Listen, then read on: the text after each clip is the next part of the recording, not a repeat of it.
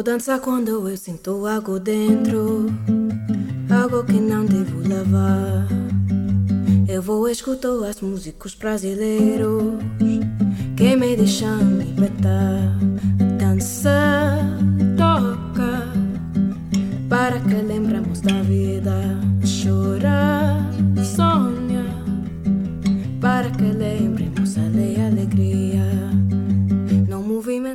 Bos días, boas tardes ou boas noites dende o recuncho de Arquitecturas en Fronteiras, no segundo andar da Escola de Arquitectura de A Coruña.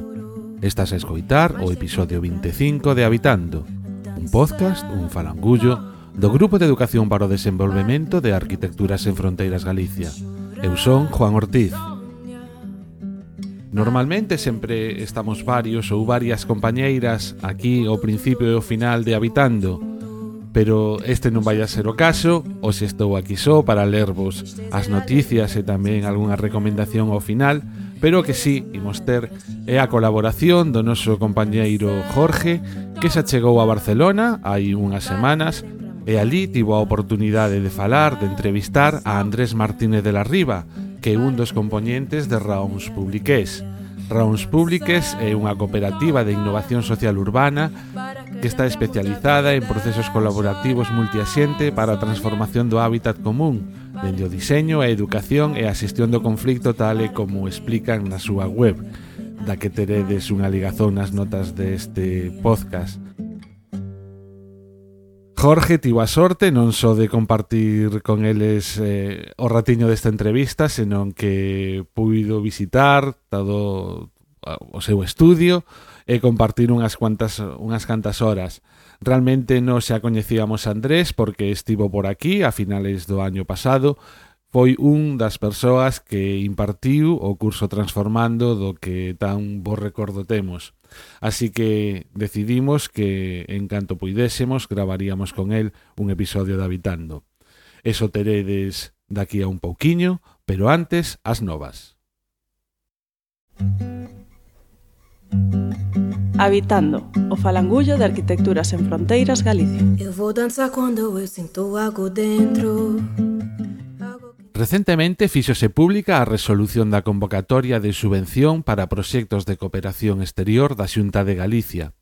Arquitecturas en Fronteiras presentaba dous proxectos que dan seguimento ao xa realizado na costa sur de Guatemala, e ambos foron seleccionados. O primeiro, enfocado á construción de vivendas con énfase nas mulleres viúvas ou solteiras, foi o terceiro mellor valorado de todos os presentados. E o segundo deles, presentado en asociación coa ONG Proide, Promoción e Desarrollo, céntrase na mellora da calidade educativa con pertinencia cultural e de xénero para garantir os dereitos da nenez e a mocidade rural das comunidades coas que estamos a traballar dende hai 20 anos. Parabéns ao Grupo de Cooperación Internacional e aquí en Habitando iremos informando de como se desenvolven estos proxectos nos próximos meses. Unha promo e voltamos con raóns públiques. Los arqueólogos más intrépidos de la podcastfera han aterrizado en las ondas para contar la historia y la arqueología desde otro punto de vista. Puedes escucharnos en iBox y en iTunes y seguirnos en nuestras redes sociales, Twitter, Instagram y Facebook como arroba Proyecto Arqueo. Proyecto Arqueo, porque si quieres seriedad, ya tienes los manuales.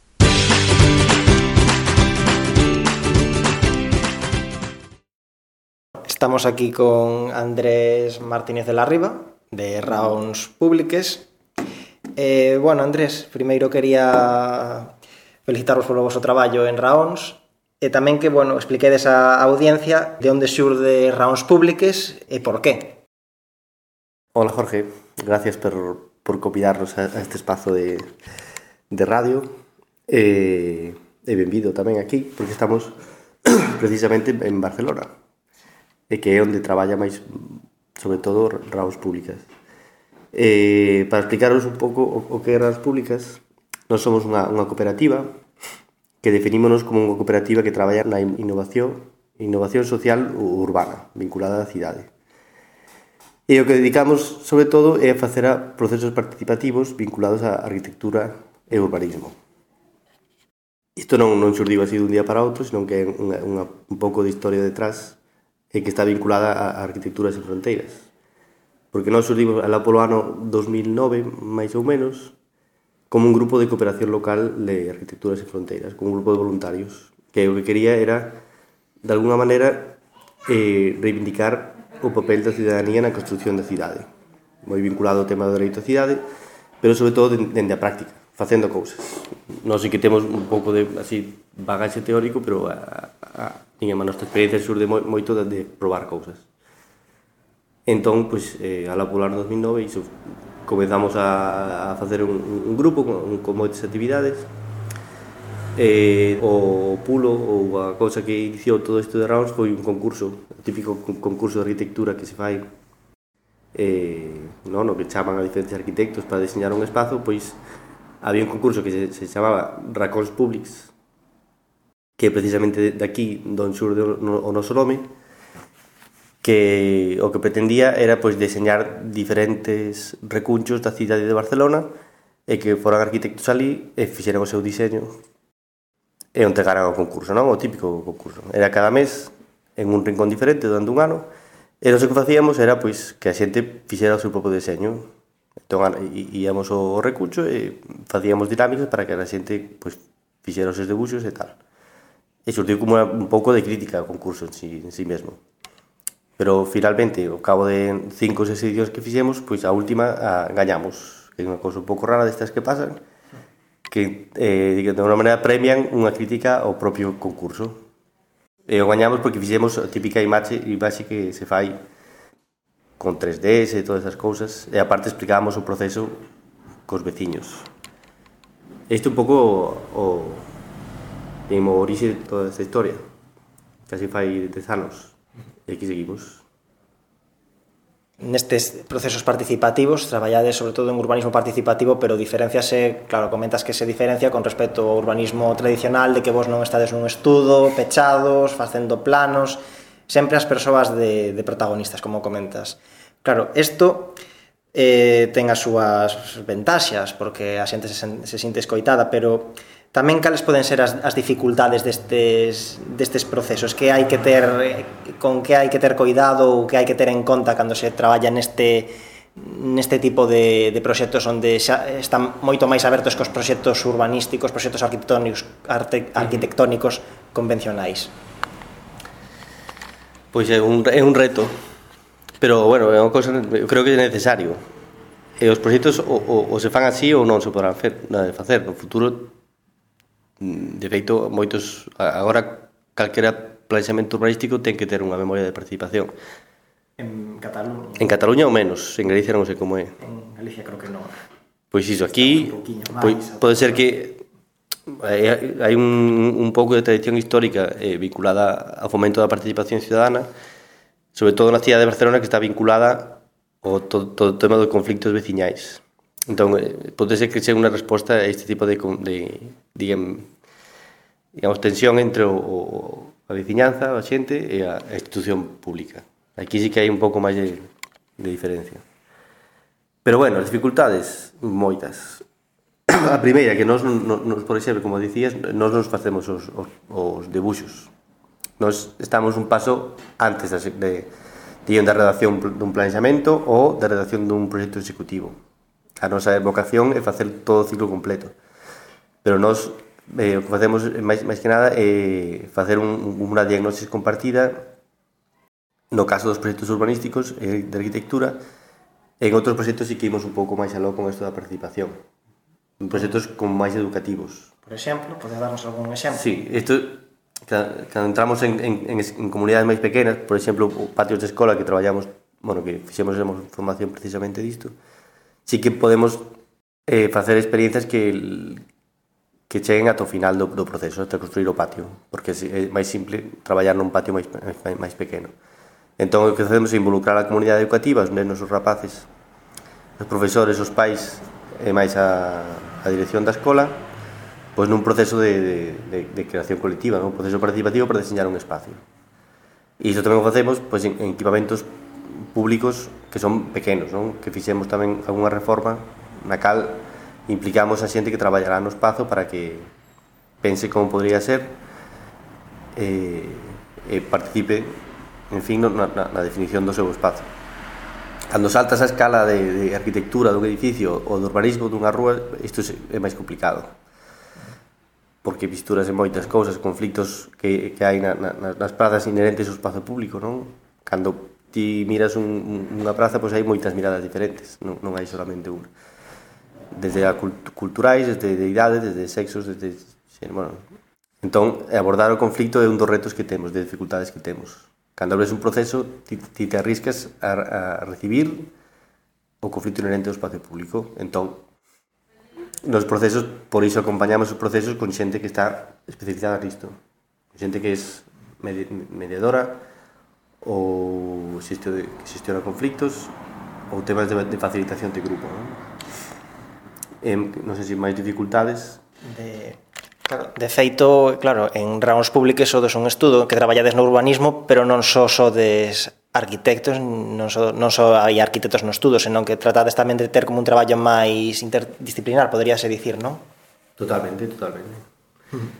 Eh, de feito, nos agora somos oito, a maioría somos arquitectos urbanistas por poñer aquí esta etiqueta, esta etiqueta, pero eh, tamén eu de formación son arquitecto, pero non tra, non fago arquitectura, por exemplo. E tamén temos unha educadora social, unha comunicadora, eh, unha diseñadora de interiores, e temos unha rede de colaboradores que son aquestes, estes perfis, perfis que faltaron máis, non? Facilitadores, temas de comunicación tamén, bueno, diseño gráfico, hai como un panorama moi amplio da xente que traballa na constelación eh, esta de Ramos. Eh, sí, sí, sí. Eh, outra dificultade así que, que temos para traballar nos procesos é que traballamos coa administración pública. E que iso ás veces eh, te pon nunha posición que para a xente que, coa que falas eh, estás como unha posición ou de poder ou de responsabilidade que te, temos que como dar, dar un pouco a, a volta. Notas sí que os, en, os encargos recibimos da, da administración, pero a, a nosa posición é máis intermediario, digamos, non? digamos entre a, a xente e o, e o que queira a administración. Un pouco a dificultade tamén é esta. Claro, tamén unha dificultade que non sei se pode xurdivos tamén é a dificultade do tempo, non? Porque normalmente as administracións públicas en proxectos, en urbanismo, mm. sempre exixen unha velocidade moi grande para a cidade. Vemos hoxe en día pois cos plans xeral, xerais e os, e os tempos que poñen para facelos, non sei vos como podedes, claro, a maiores tedes no vosso traballo unha vertente de participación que, bueno, que non é unha vertente, mas ben é o, o centro do mm. traballo. Claro, como podedes controlar eso cos tempos tan poden ser limitados, non? No, no, nos proxectos. Pois depende do proxecto. Pois hai proxectos coas escolas que duran tres anos e traballas moi ben, e outros proxectos que, eso, que si queren facer unha normativa en tal data é facelo para esa.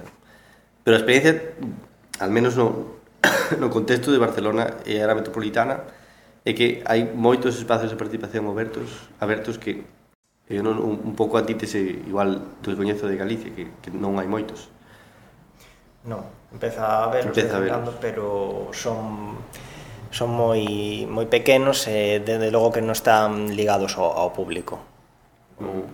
De feito fai uns días, eh, por exemplo, o Concello da Coruña deixalos deixalosou a a un colectivo que se chamaba Insumisa, que tiñan un local social ocupado, e claro, aí hai sempre como un conflito entre, claro, o que fai un grupo de persoas que se organizan, se autoorganizan, perdón, e logo un grupo de, bueno, o goberno, un grupo institucional que quere controlar de outra forma e hai aí como que non que non hai como unha sinerxia entre eles, hai un conflito é imposible de Agora, se Setenar van máis, máis a da participación, eh? Setenar pois máis, máis políticos, ¿no? bueno, que en fondo é política tamén. Sí, por, pero, pero bueno, bueno Despois, en procesos participativos en Galicia non, non hai moitos, claro. e dende logo a normativa non é como aquí en Cataluña, porque aquí en Cataluña dende, dende que ano é obligato, ter procesos participativos nos proxectos urbanísticos? 2010, na lei do urbanismo de 2010. Pero antes, bueno, facía o típico de a, a a exposición pública, non? Todo isto. Eh, pero delegacións, pero unha memoria de participación o mesmo nivel coa memoria social, o mesmo nivel coa memoria económica, o mesmo nivel coa memoria ambiental no 2010. É obligatorio facer proceso de participación na elaboración de planexamento municipal. E máis en Barcelona, agora ainda máis. Entón, por aquí, a duración, agora atopámonos que a xente di non, non queremos máis espazos de participación, xa estamos saturados. Que é un pouco o contrario. Entón, agora fanse proxectos moi, moi concretos, en plan, unha ou dúas sesións, dous, tres meses, e non hai críticas da duración. Antes sí que había máis, pero agora xa non.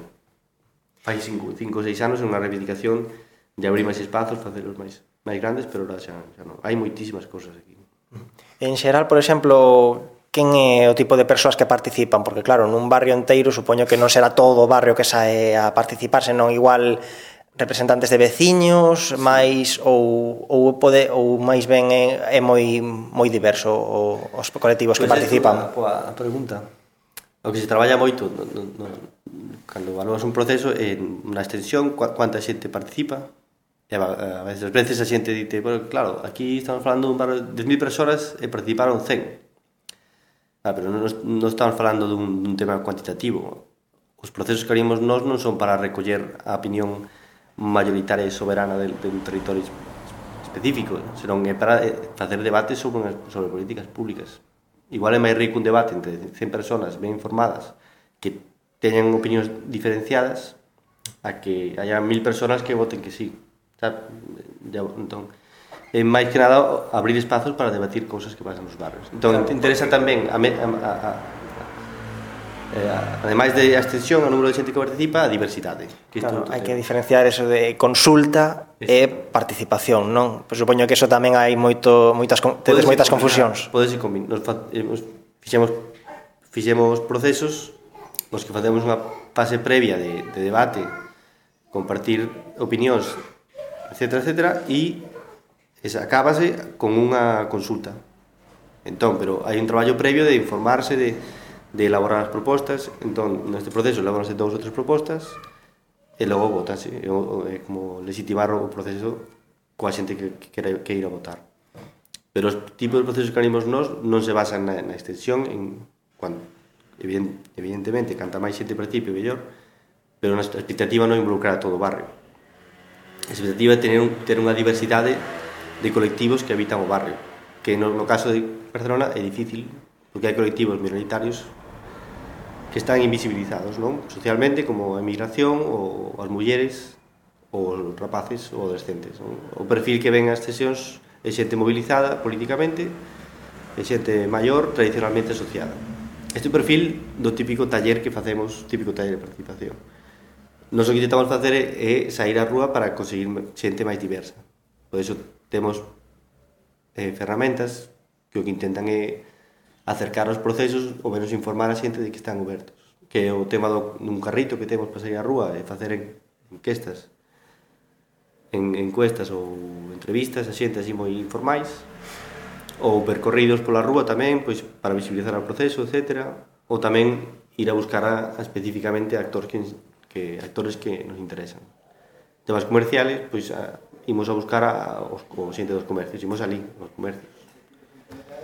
Eh, pero bueno, sí, hai, hai diferentes técnicas para para acercarse, acercarse un pouco máis a xente. Uh-huh.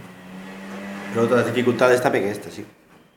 Dar a coñecer os procesos. Sí. En este momento en que, en que estades a traballar en reunións públicas, podese contar, así que estades traballando. Sí. Ou, ou recentemente. A ver, a, cousas que sean así un pouco máis máis motiv... Bueno, hai un proxecto moi interesante vinculado ao tema de planexamento que un, un plan director urbanístico que está levando un compañeiro é un envase en, en nunha zona de, de Lleida, de Diu Rial, Rial Segra. E nos estamos a cargo de, de levar diferentes talleres para pensar como será a transformación dun espacio natural, que é moi, nunca fixemos isto o, o, o lado do, do, deste embalse, non? E fixemos talleres con, con institutos, e talleres con, con veciños e tamén con alcaldes, con interesante, porque son cinco municipios, entón fixemos dinámicas cos alcaldes propiamente. E o reto que estamos intentando é representar toda esta información que, que, que obtivemos dunha maneira máis gráfica para que acompañe o, o, o, o plan director urbanístico. Como comentaba, non? este paso é pois, añadir outra capa que é a capa da, da percepción da xente que participou. E a debilidade que ten, ten este proxecto, é unha opinión miña, é, eh, é que non implica moitos actores no, no, no proceso, porque son cosas moi puntuales, moi, moi puntuais. En temas de proceso un pouco máis longo, non sei que podíamos comentar así, se a bote pronto. Bueno, vai longo non, pero un curto que fixemos fai pouco tamén foi o deseño dun, dos usos dun espacio de, un equipamento na Barceloneta foi interesante porque o público o cal tiñamos que dirixirnos era, era rapaces porque era, era pois, vincular os rapaces da Barceloneta no, no, neste espacio. E tamén fixemos talleres específicos con, con institutos e tamén saímos á rúa con este perfil máis de educador de, de rúa que temos tamén con un compañeiro para precisamente interpelar os rapaces que estaban na, na rúa pois, facelos, facelos participar e que de alguma maneira implicarlos no proxecto e cousas así. E agora tamén, aquí ao lado no paralel, estamos levando a cabo o, o plan de usos do, do, do paralelo, o proceso participativo do plan de usos. O plan de usos, é, como aquí estamos en un territorio, territorio con moito impacto turístico, pois a idea é facer unha unha ferramenta urbanística que se chama plan de usos, que o que fai é limitar actividades que tiñan un impacto negativo na cidade. Pois a nivel de subida do prezo do, do aluguer, ou tema de desplazamento de población, ou tema de sustitución de comerzos de proximidade, e a idea é limitar sobre todo bares, restaurantes, discotecas, locales de, de ocio, de todo isto. Entón, isto é un reto máis, porque tens que explicar a xente o primeiro paso que, que entendan ben que significa esta ferramenta e como se aplica. Claro, porque a xente sempre hai unha discusión co turismo, porque hai moita xente que o defende porque é o, para eles é o único sistema co que, co que se pode sair adiante, sobre todo en este país, é algo que trae cartos a moitos comerciantes, e a moitos hoteleiros e incluso agora mesmo a moitas persoas que ponen a lugar un piso, claro, non sei como podedes como podedes facer eh, para mediar entre eses comerciais, entre eses sí, sí. agentes comerciais e as persoas que, que viven no barrio que en moitas veces, se non me equivoco, son expulsadas do barrio polas subidas do aluguer, sí, non? pero é que é moi, moi, é moi complicado o tema, porque ás veces temos como idealizada os diferentes perfis, non? Os veciños teñen unha idea e os ilustradores teñen outra. Pero Onte tivemos precisamente un taller, un taller sobre isto e cando aquí sentaban os restauradores e os veciños falaban e chegaban a conclusións e dicían, pois eu entendo máis a ti e ti entendes a min e máis ou menos o diagnóstico do barrio eh, era eh, a mesma para os dous. E os restauradores dixeron te, te, te razón, non, non caen máis bares aquí es que ves, hai un punto de saturación que é evidente. E os actores económicos que teñen intereses económicos no barrio non solamente Eh, de bares de restauración, sino turísticos de hotéis, non veñen a que estas a que estas sesións que facemos. É moi difícil chegar a eles, porque a saber onde están. Xa. Entón, eh, teñen outros mecanismos para incidir nas políticas públicas, que xa sabemos como son, que son ou abogados ou, ou cartos. Eso é eh, especulación, eh? pero pero é moi complicado o tema eh, este do turismo en Barcelona porque está cargándose moi, moita parte da cidade. Estas aí, estas ferramentas do plan de usos, pois son mm, pequenos parches que ou pequenas cousas que poden facer. Pero non resolverán o problema dun día para outro. outro. Xa, isto será, bueno, os procesos participativos xa contabas antes que poden levar anos. Claro, facemos eh. un, unha cousa moi pequeniña que intentar captar a percepción da xente e intentar xerar espazos de relación entre os veciños para xerar debates que son moi interesantes, eh? o sea, yo, cada cada vez que sobre un debate destes eh, flipas co, coas cousas que saen, que está moi ben. O sea, pero po, o sea, no, no noso marco de traballo moi, pe, moi pequeno. logo en equipo técnico que fai todo o análisis e logo en equipo político que, que é o que dirixe unha mica un pouco as, as políticas, pero o noso papel é moi pequeno, digamos. E no, no, neste caso en Barcelona agora o goberno e a movimentos sociais están moi alineados nas miradas todo o mundo, todo o mundo apunta á disminución turística. Fai 4 anos eh, miraban para sitios diferentes, entón si que era máis conflictivo. Claro, aquí non hai, hoxendía entre o goberno e os movimentos sociais non hai ningún conflito. Sí, que hai, que ah, moitísimos conflitos. Vale, vale, xa. moitísimos, pero no caso de turismo a diagnose é compartida per case todos os grupos políticos. O sea, non, non hai nada, ninguén te pode dicir que en Cidade Bella está moi ben, porque non, non, non salta, salta a la vista no vosso vecindario, no, na zona onde traballas que Poble, poble sec, como é a relación que tedes cos, cos veciños? Pois, bueno, unha das cousas que queríamos facer cando chegamos ao, ao Poblesec, que nós estamos nun local na planta baixa do poble sec, pois era eh, eso, implicarnos un pouco no, na vida comunitaria e social do, do barrio, non? Nos cando cando decidimos iso, organizarnos como, como asociación e logo como cooperativa, buscábamos un, un, un sitio onde de alguna maneira axudar a fortalecer a, a, a comunidade, non? Desde o noso punto de vista máis de especialista arquitecto que podes ser útil para determinadas cousas no, no, no barrio. E decidimos estar en Pulesec porque era un territorio que estaba cambiando e tamén se estaban movendo moitas cousas a nivel asociativo moi interesantes, que ainda, ainda continúan. E, e iso, entón, nós temos na parte da cooperativa, a parte de, digamos, de facer profesionalmente eh, procesos para concellos de toda Cataluña, que é un pouco ao que nos dedicamos, temos unhas horas que dedicamos a, a ser a, ainda activista de alguna maneira.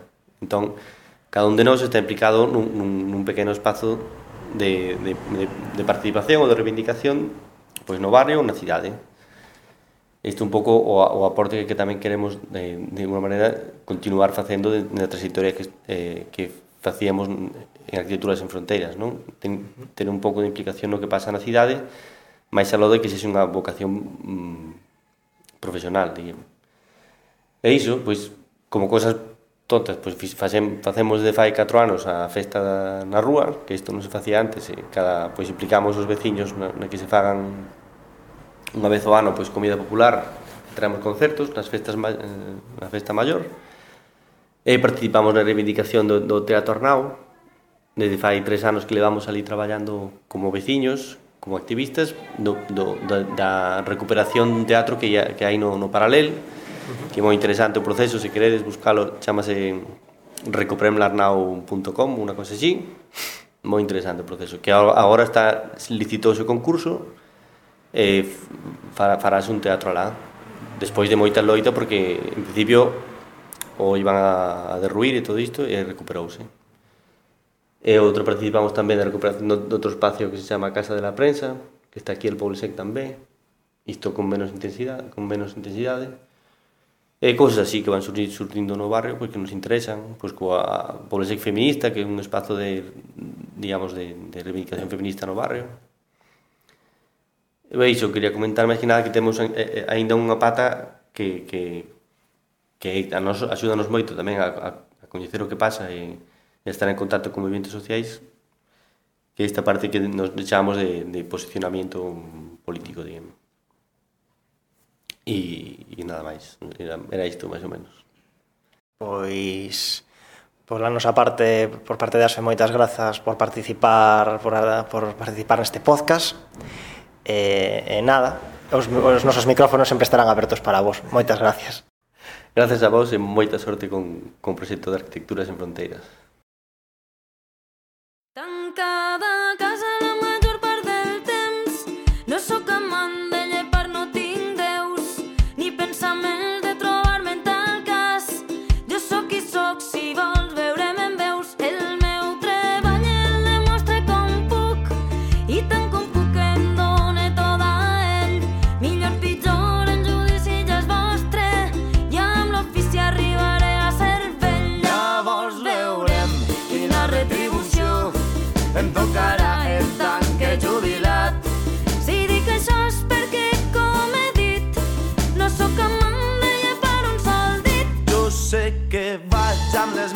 cançons saltant d'històries, saltant situacions. Ara dic groc i després passe al verd.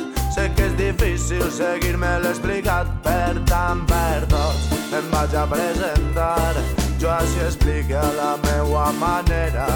Uns fets, un temps, una estima, una idea. Jo sóc l'artista, el cantant, el pallasso.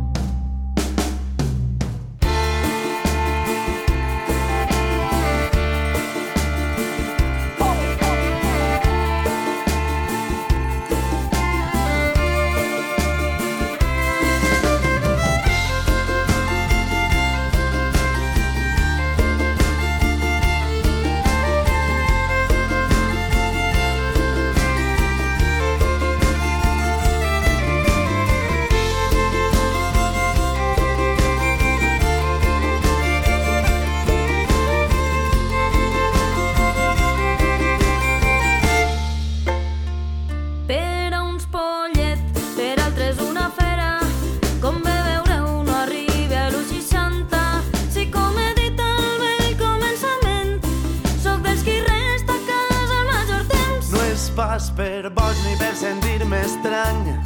És per el dubte i dubte molt company. Quina és la porta que s'obre sense pany?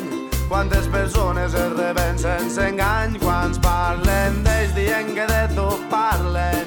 Quants m'estaran posant en dubte ara? Doncs repeteix, jo parle del meu temps.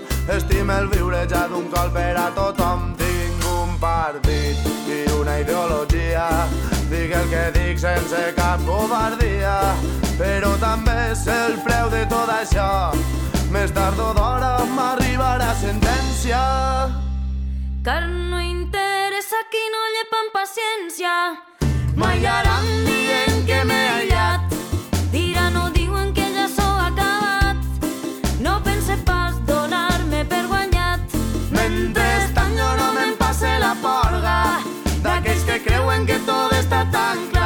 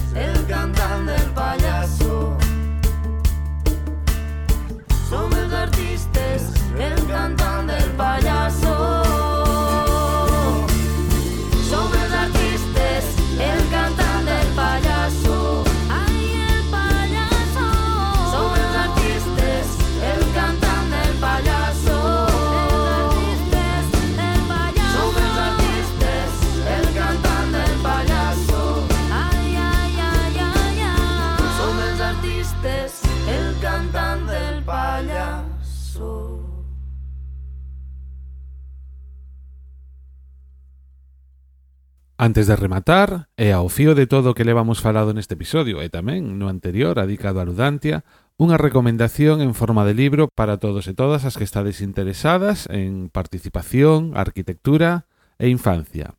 Hai pouco apareceu a publicación Diseño participativo de entornos escolares do equipo Micos, composto por Patricia Leal Laredo e Lucila Urdapena de Pez Arquitectos e Pablo García Serrano de Participación e Paisaxe dúas arquitectas e un ecólogo que conforman un equipo interdisciplinar que se complementa con colaboracións de expertos de diferentes disciplinas. Traballan en centros escolares e a guía recolle a experiencia de deseño de tres deles en Madrid.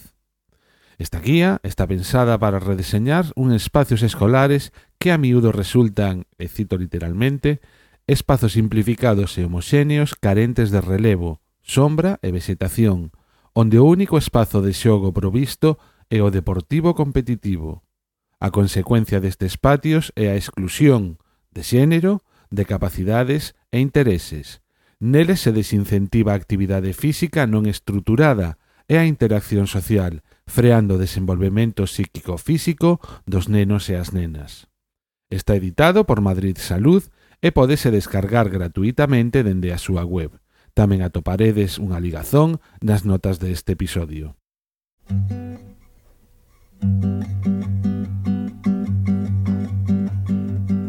Eu vou dançar quando eu sinto algo dentro, algo que não devo lavar.